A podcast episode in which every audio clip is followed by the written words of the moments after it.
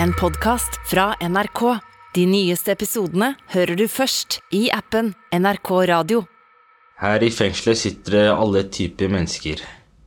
Men eh, det er noe mange av de har til felles. Nemlig et dårlig forhold til eh, barnevernet. Innsatte i norske fengsler lager radio. Du hører Røverradioen i NRK P2. Jeg heter Mali, velkommen til Røverradioen. Akkurat nå sitter vi inne på cella mi, som det blir kalt her, men jeg kaller det rommet mitt, og det er her vi spiller inn. Vi som samfunn har laga systemer som skal passe alle barna som trenger det. Men eh, i dette fengselet her og alle disse cellene så er det fulgt opp med folk som Jeg vet ikke, det har visst ikke fungert. For de fleste handler ikke det om å bryte loven om noe man bestemmer seg for der og da. Det kan være alt fra å være impulsiv eller man liksom havner i situasjoner, men det er liksom ikke noe planlagt.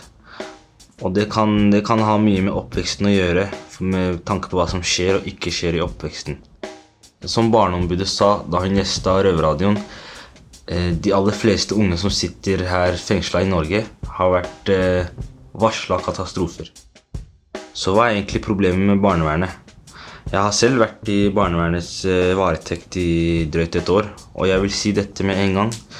Det her er ikke et forsøk på å skille på noen, men et ønske om å finne ut hva vi kan gjøre for å endre barnevernet til det bedre. Det hele begynte med at jeg og min røverkollega Bobby begynte å snakke litt om oppveksten og hvordan vi hadde det. Så plutselig kom vi inn på temaet barnevernet. Jeg har vokst opp redd for barnevernet. Når du sier redd for barnevernet, hva mener du med det? Barnevernet har alltid vært de som tar eh, oss fra foreldrene våre, og de som vi skal De som vi skal passe oss for, da. Mm, Eh, bekymringsmelding var nesten som å få en dom sant, på ti år. mm. Eh, ja, jeg skal ikke legge skjul på at vi fikk beskjed om å ikke snakke med dem og sånne ting, da. Ja, ja. Eller foreldrene våre har jo kommet til Norge, og oppdragelsen her og der er jo ikke helt lik. Så det har vært utfordringer med barnevernets samarbeid og sånt, da. Jeg føler ikke det har vært et samarbeid. Jeg. Ja, det er akkurat det. Det har jo ikke vært det. Det er folk med minoritetsbakgrunn som er utsatt for uh, de meste av, uh, av, av barnevernets uh, det, det de holder på med, da. Mm. Ja, jeg har selv hatt en, Jeg har vært inne i barnevernet. Jeg var på institusjon i, i ett år i Alta. Og eh, før jeg ble plassert på institusjon, så var det jo besøk hjem, og alt var jo på stell, og det var helt ryddig og fint, og sånn helt sånn normal familie, liksom. Så de liksom lurte på hvordan har du havna i de situasjonene du er i, og, og jeg måtte jo signere på noen papirer, ellers så ble det tvang, da. Så det var liksom at jeg hadde valget å signere, og så kunne jeg trekke det tilbake hvis jeg mente at jeg var klar for å flytte hjem, da. Men mens jeg var eh, under barnevernet, så det var litt annerledes til å begynne med, men eh, jeg fikk jo meg nye venner og starta på skole, og jeg var der i ti måneder. Det gikk ganske fort. Men du vet, familien tenker liksom hvis e- ett barn har blitt tatt, så risikerer de alle de andre også å bli tatt, ikke sant. Det er den største frykten, da, å miste barna sine til eh, barnevernet. Mm. For eksempel, jeg og familien min flytta jo til eh, England tidlig 2000-tallet på grunn av at det var en stor familie av, eh, med fire barn som ble tatt fra moren sin. Hun var alenemor, og, og de mente at hun ikke kunne ta vare på dem, da. Og det var ikke noe rus i bildet, ikke noe vold, ikke noe sånt, men det var bare at hun ikke kunne ta vare på fire barn selv, da. Som alenemor. Og det var det mye, mange i somaliske miljøer som stussa på og syntes det var, ikke var bra, og, og det var grunnen til at mange familier flytta til England. Hvordan føles det at samfunnet ser at familien din ikke øh, er god nok til å ta vare på deg? Nei, det er ikke noe kult, altså, for å være helt ærlig. Det er litt sånn eh, Selv om jeg hadde en fin eh, barndom, men det var eh, i tenårene der jeg begynte å få nye venner og gjøre ting på egen hånd, da. Familien hadde jo ikke kontroll, ikke sant. Selv om jeg, de ringte meg hele tiden og 'hvor er du, hvor er du', og Men jeg kjørte nesten mitt eget løp, da. Men jeg hadde jo alt eh, når jeg vokste opp. Jeg var med på fotballag, jeg var litt på korps når jeg var yngre, og jeg fikk gjort litt av hvert, da. Det var aldri noe dårlig råd eller noe sånt, ikke sant, men eh, jeg så nye, nye Jeg møtte nye folk, og det var mye spenning, så jeg bare havna uti det, da. Mye rock'n'roll. Ja, veldig mye rock'n'roll. Eh, barnevernet tok, valgte å flytte deg fra familien din, eh, og så havnet du i fengsel allikevel. Funka det da å være i barnevernet? For å være helt ærlig, så syns jeg ikke at det funka. Det var liksom at jeg ble bare flytta fra et miljø til et annet, og jeg ble jo kjent med folk der oppe også, men det var liksom Jeg følte at de bare ga meg en pause fra det livet jeg levde, da. At jeg var, jeg var der ti måneder, jeg kom tilbake til Oslo. Samme folka rundt meg igjen, ikke sant. Og så et par, tre, fire år etter, så eh, sitter jeg her i fengsel.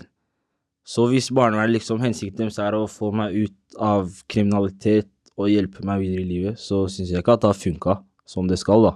Og den omsorgen det er så mye snakk om, og det var liksom Jeg ble overlatt på egen hånd, liksom. Men nei, jeg syns ikke at det funka. Jeg sitter jo her med deg, vet du. Ja, det gjør vi. Vi sitter og soner. Dessverre. Og det er majoriteten her har jo Vært i barnevernet, Ja, ja. Det er trist, Og hatt en vanskelig barndom. Ja, Så det er noe som snakkes en del om. ja. Ja, Bobby. Du flytta jo med familien til England eh, i ung alder. Og nå er du tilbake her i Norge. Hvordan eh, gikk det i England? Bro, vi fikk i hvert fall vokse opp sammen i familiehuset, Mm. alle guttene, ikke sant? Mm. Og det var ikke snakk om at noen, skal bli, noen skulle bli tatt og plassert i, plassert i en annen familie. Det var Mm. Vi vokste opp under um, samme tak. Jeg fikk eh, oppleve barndommen, din med, barndommen min med brødrene mine, Som det skal være. som det skal være. Og, og, og dessverre så ble det tok eh, det hele en feil retning, men jeg, Mm. jeg skylder- skylder mer på at jeg måtte på en måte starte på nytt flere ganger, Mm. fordi jeg flytta til England og tilbake til Norge, da. Mm. Uh, I en ung alder, og, og, og det var en, eh, å lære et nytt språk på nytt, og det var mye jeg Mm. måtte oppleve på nytt, og tok dessverre, det tok dessverre en feil retning, både for meg og, og storebroren min, uh, som havna da i kriminalitet. Men eh, Mm. for alle de andre brødrene mine så gikk det helt fint. Mm. Du vet, når jeg bodde hjemme hos familien, jeg hadde alt var bra, jeg hadde god omsorg. Jeg deltok på de aktivitetene jeg kunne, men rundt tenåringstida så begynte jeg å gjøre andre ting, da. Men jeg føler ikke at det familielivet mitt skyldes at jeg er her nå, ikke sant. Jeg føler at det er mine egne valg, det er jeg som har kasta meg ut i det her. Det har ikke vært sånn at eh, jeg har ikke hatt råd til å gjøre ting, og jeg må finansiere det med å stjele eller eh, selge narkotika. Familien min har aldri, det var aldri noe rus. Vi er muslimer, ikke sant. Det var ikke noe rus i bildet. Det var ikke noe vold i hjemmet. Ingenting, ikke sant. Har du noe råd til noen som er i lignende situasjon, som er i barnevernet? Ja, jeg har et råd, egentlig. Følg eh, drømmene dine, og eh, bare utnytt eh, mulighetene dine, ikke sant. Du er jo under staten. De kan hjelpe deg med alt mulig rart. Billappen. Det er så mye greier. Planlegge livet ditt. Tenk på utdanning. Ikke bare vær sånn ja, det her er midlertidig, jeg skal tilbake til det gamle livet som jeg tenkte, da. Men prøv å se fremover, og tenk på livet ditt før du havner på skråplanet. Er det det heter?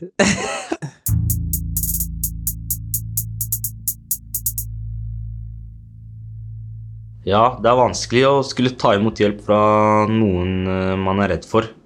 Spørsmålet jeg satt igjen da, var hvor stor del av frykten eh, var eller er reell. Heldigvis finnes det svar på dette, for noen har faktisk eh, forska på det. Og derfor gir jeg ordet videre til min røverkollega Maiken.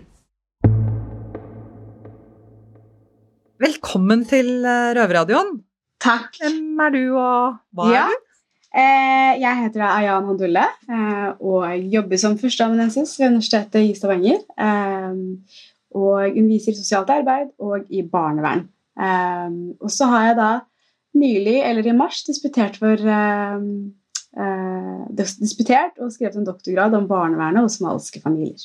Og en doktorgrad er jo et ganske omfattende arbeid, men kan du bare oppsummere kort hva er det doktorgraden handler om? Doktorgraden har eh, undersøkt eh, frykten for barnevernet.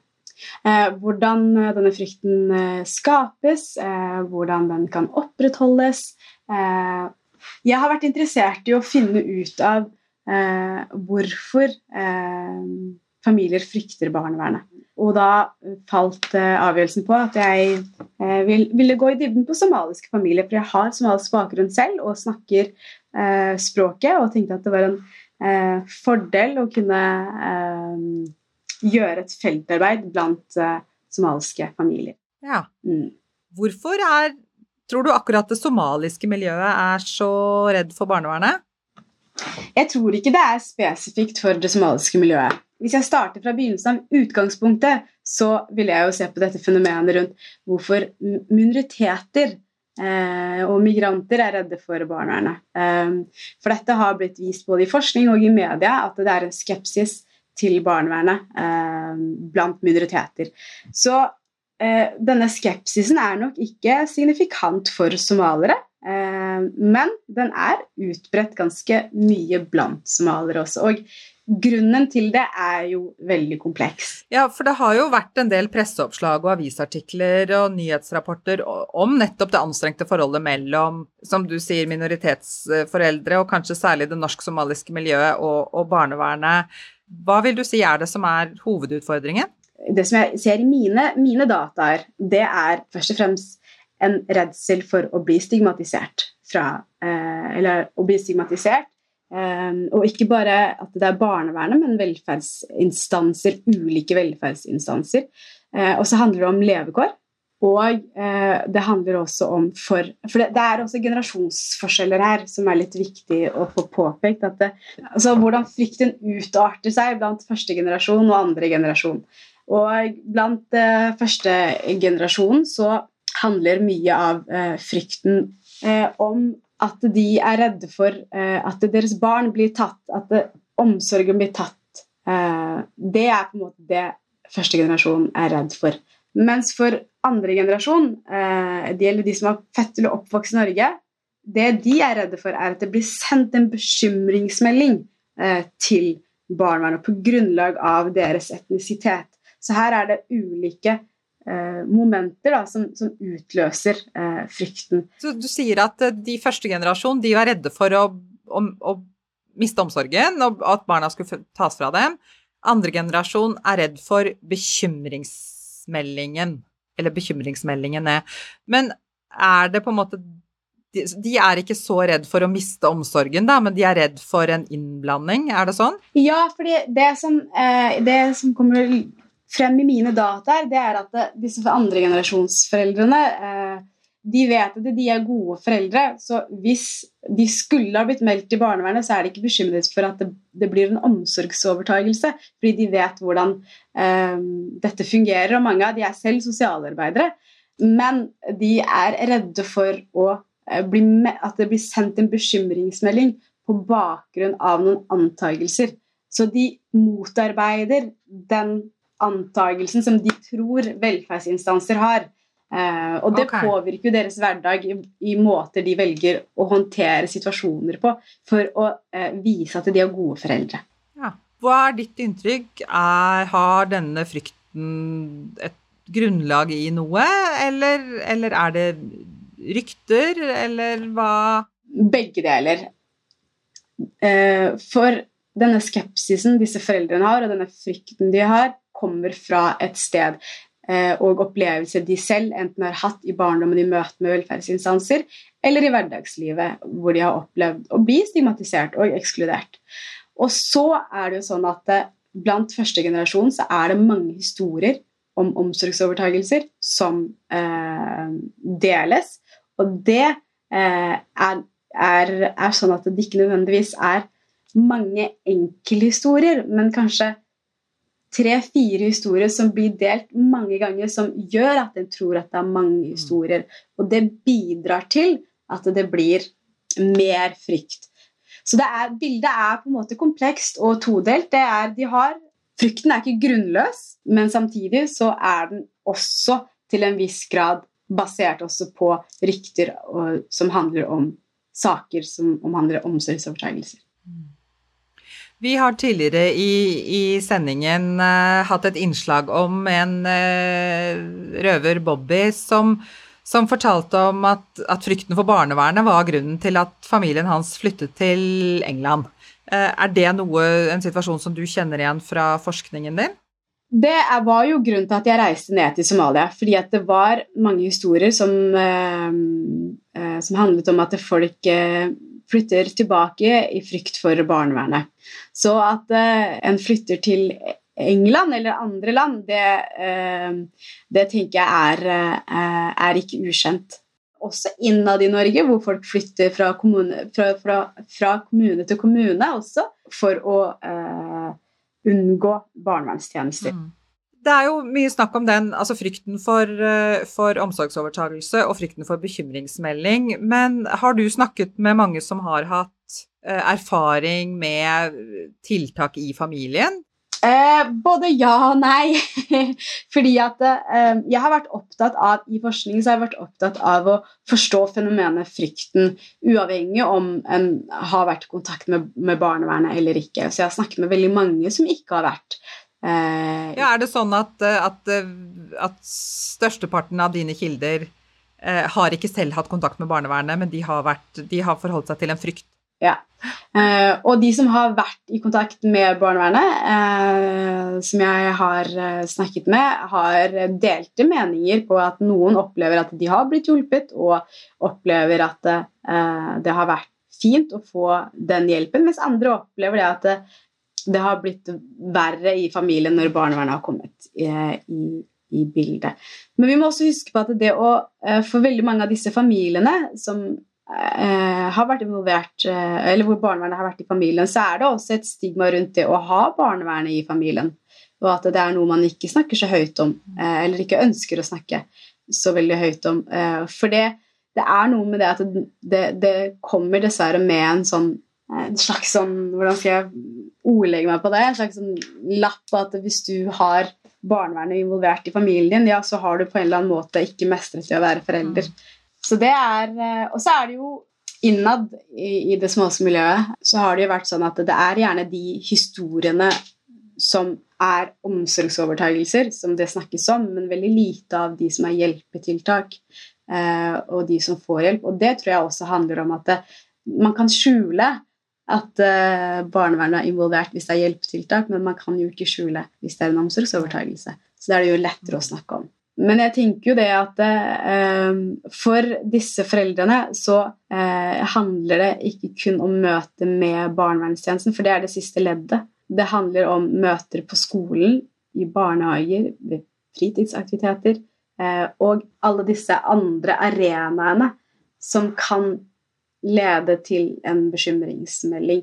Og ofte så er det jo sånn at um, når man snakker om frykten for barnevernet, så fokuserer veldig mange på at det er barnevernet en frykter, men, men det er faktisk de andre arenaene rundt også disse foreldrene frykter. Ja. Og veldig mange er klar over også det er klar over at barnevernet ikke kan bare komme og ta barn.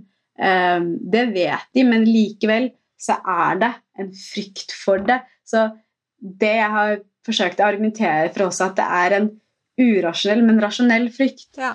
Tenker du etter å ha, ha, gjort dette, eller arbeidet med dette, at, at, det er noe den norske staten og, og barnevernet bør gjøre annerledes og, og, og, bli flinkere til? Ja, det er jo det store spørsmålet.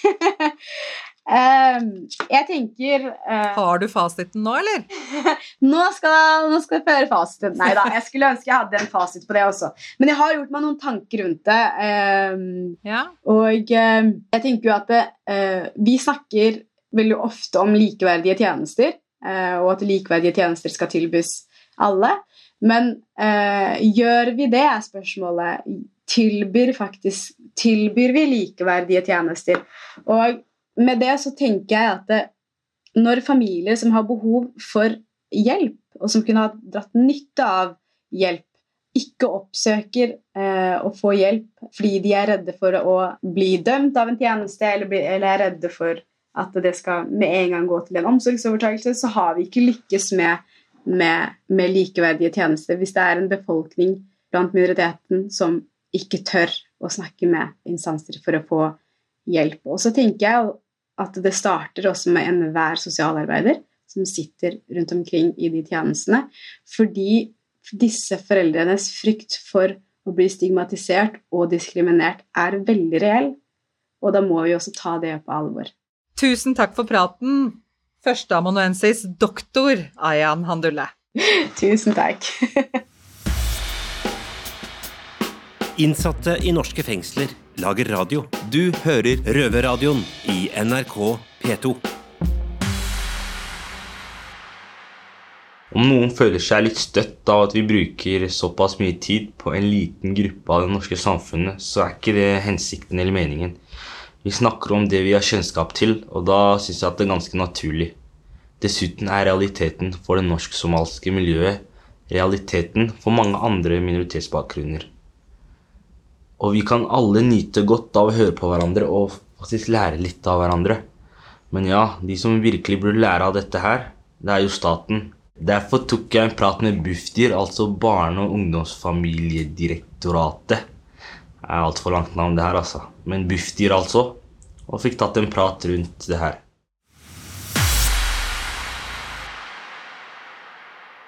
Kjetil Andreas Ostling, eh, divisjonsdirektør hos eh, Bufdir. Velkommen eh, hit, holdt jeg på å si, men vi har deg på Teams, så jeg sier velkommen for det. Ja, mange takk for det. Veldig glad for å kunne være med. Yes, det er godt at du er med på sendinga. Hva tenker du om, eller dere, om det vi har hørt så langt i sendinga? Først og fremst syns jeg jo at uh, uh, dere hadde en veldig sånn, reflektert uh, samtale, og som gjorde at dere fikk fram mange viktige perspektiver og erfaringer. Både som dere selv har, og som dere fanger opp i de miljøene som dere ferdes i. Og fra direktoratets ståsted, hvor vi har ansvar for å jobbe for at det skal være god kvalitet, og som det også ble nevnt av Ayan, betydningen av likeverdige tjenester i barnevernet. Så, så påpekte jo dere alle sammen noen utfordringer vi har på det området i forhold til å treffe godt, kommunisere godt og skape trygghet for hva barnevernet gjør, også hva barnevernet ikke gjør. Eh, inn mot eh, minoritetsbefolkningen og eh, også kanskje særlig den somalske befolkningen som ble belyst i, det programmet. Riktig. Fordi jeg har jo selv vært under barnevernet, og det krevde jo veldig mye av meg, men jeg vet ikke helt Du har sikkert mer informasjon, da, men vi hører jo Bobby si at han ikke føler at det har vært noe samarbeid med barnevernet. Hva tenker du om det? Ja, nei, jeg tenker at uh, liksom, I den enkelte barnevernssak uh, så er det jo helt uh, veldig avgjørende at barnevernet på sin side kommuniserer godt og tydelig og er si, i tillegg til de, den jobben de er satt til å gjøre, med at de er si, hyggelige og høflige og, og skaper en god relasjon. Det må jo være et mål. Uh, og så uh, hører jeg jo, og vi, ser jo på våre egne undersøkelser også, at uh, det er ikke alltid det oppleves sånn. Og det er ikke alltid vi får ut god nok informasjon, verken til den enkelte familie, men heller ikke vi som er myndighetene. vi får heller ikke godt nok ut informasjon om hva barnevernet er og ikke er. Så vi har hele tiden en, en jobb å gjøre på det, helt klart. Mm. Fordi vi, vi, kjenner jo faktisk en del barn og ungdom, eller når vi vokste opp, da, som har havna under barnevernet. og de fleste vi har lagt merke til, da, er vel uh, minoritets, uh, ungdom med minoritetsbakgrunn da, som blir hardest ramma. Er er det sant, eller hva, hva, tenker du når jeg sier det? Ja, nei, eh, sånn man diskuterer liksom, statistikk politikken på dette i stort? Er, eh, er det flere tiltak eh, for barn i familier med minoritetsbakgrunn enn i andre grupper, eller i de som er norskfødte eller eh, ikke har eh, erfaring fra annen landbakgrunn i foreldregenerasjonen. Og sånn, Da er det sånn ulikt hvordan man setter sammen statistikken. Eh, men i stort så er det noe statistisk overvekt. Og så er det egentlig sånn at det er også sånn at det er kanskje Øst-Europa og en del andre land som har litt sånn høyere overvekt faktisk enn f.eks. Eh, somalsk bakgrunn. Men eh, så blir jo spørsmålet hvorfor er det sånn? Uh, og, og, er det liksom sånn barnevernet har, har et spesielt kritisk blikk uh, mot enkelte grupper, eller er det mot andre sammenhenger? Jeg tror at uh, hun Ayan Abdullah også er inne på at dette her er komplekst. Mm. At det er ikke helt enkle svar. Det kan handle handle om at, eh, ja, det kan handle om bl.a. Eh, levekår. Eh, det kan handle om erfaringer fra samfunn med krig, sosial oppløsning. og at Det gjør jo ofte noe med familiesituasjonen og kan fort utløse et tiltak og behov for hjelp fra barnevernet. Mm. Og så har vi det med ettervern, da. Jeg etterlyser faktisk mer ettervern etter fylte 18. I mitt tilfelle så når jeg var ferdig med fylte 18, så var det liksom ha det bra til barnevernet. Jeg bare snudde ryggen. Men uh, når jeg ser tilbake i tid, da, så tenker jeg de kunne kanskje prøvd å pushe litt mer for å hjelpe og følge meg opp litt bedre, da. Hva tenker du om det? Jeg tenker at det Er noe vi vet virker, så er det ettervern. Uh, og vi ser at barnevernet bruker ettervern i stadig større og større grad. Eh, men det er helt sikkert eksempler eh, også på at de, de ikke blir brukt der det burde vært gjort. Eh, og man, man er jo ikke voksen og selvstendig. De færreste er det når de er 18 år. Og hvis man har med seg en bagasje og er på en måte sårbar for å havne i en vanskelig livssituasjon, eller på skråplanet, som jeg hørte dere brukte som begrep også, så er det klart at ettervern kan være kjempeviktig. Så det er veldig billedlig beskrevet av dere i den samtalen dere hadde? For jeg tenker mitt utgangspunkt kunne kanskje vært bedre hvis uh, jeg hadde fortsatt med ettervern, da. Men uh, jeg hadde jo noen år med barnevernet, tre-fire år, og så tenkte jeg med jeg fyller 18, så skal jeg bare kutte den kontakten. Men uh, når jeg ser tilbake, så burde jeg kanskje ikke gjort det, da. Tenker jeg. Nei, jo, Vi har utvidet loven sånn at ettervernet kan uh, gå helt til uh, man er 25 år. Uh, men så er det jo en, fordi man er blitt voksen, sånn formelt sett, så knytter det seg mye til frivillighet. Og det er også en jobb fra barnevernet å tilby et ettervern som faktisk uh, si, oppleves som attraktivt og noe som er nyttig og som man ønsker å frivillig gå inn i. Uh, og holde, holde, på det uh, også over tid. Men, men, det hjelper ikke hvis man ikke får tilbud om det. så det er der det må starte. Mm, det må begynne der. Ja, hva skal dere gjøre fremover for å forbedre situasjonen da?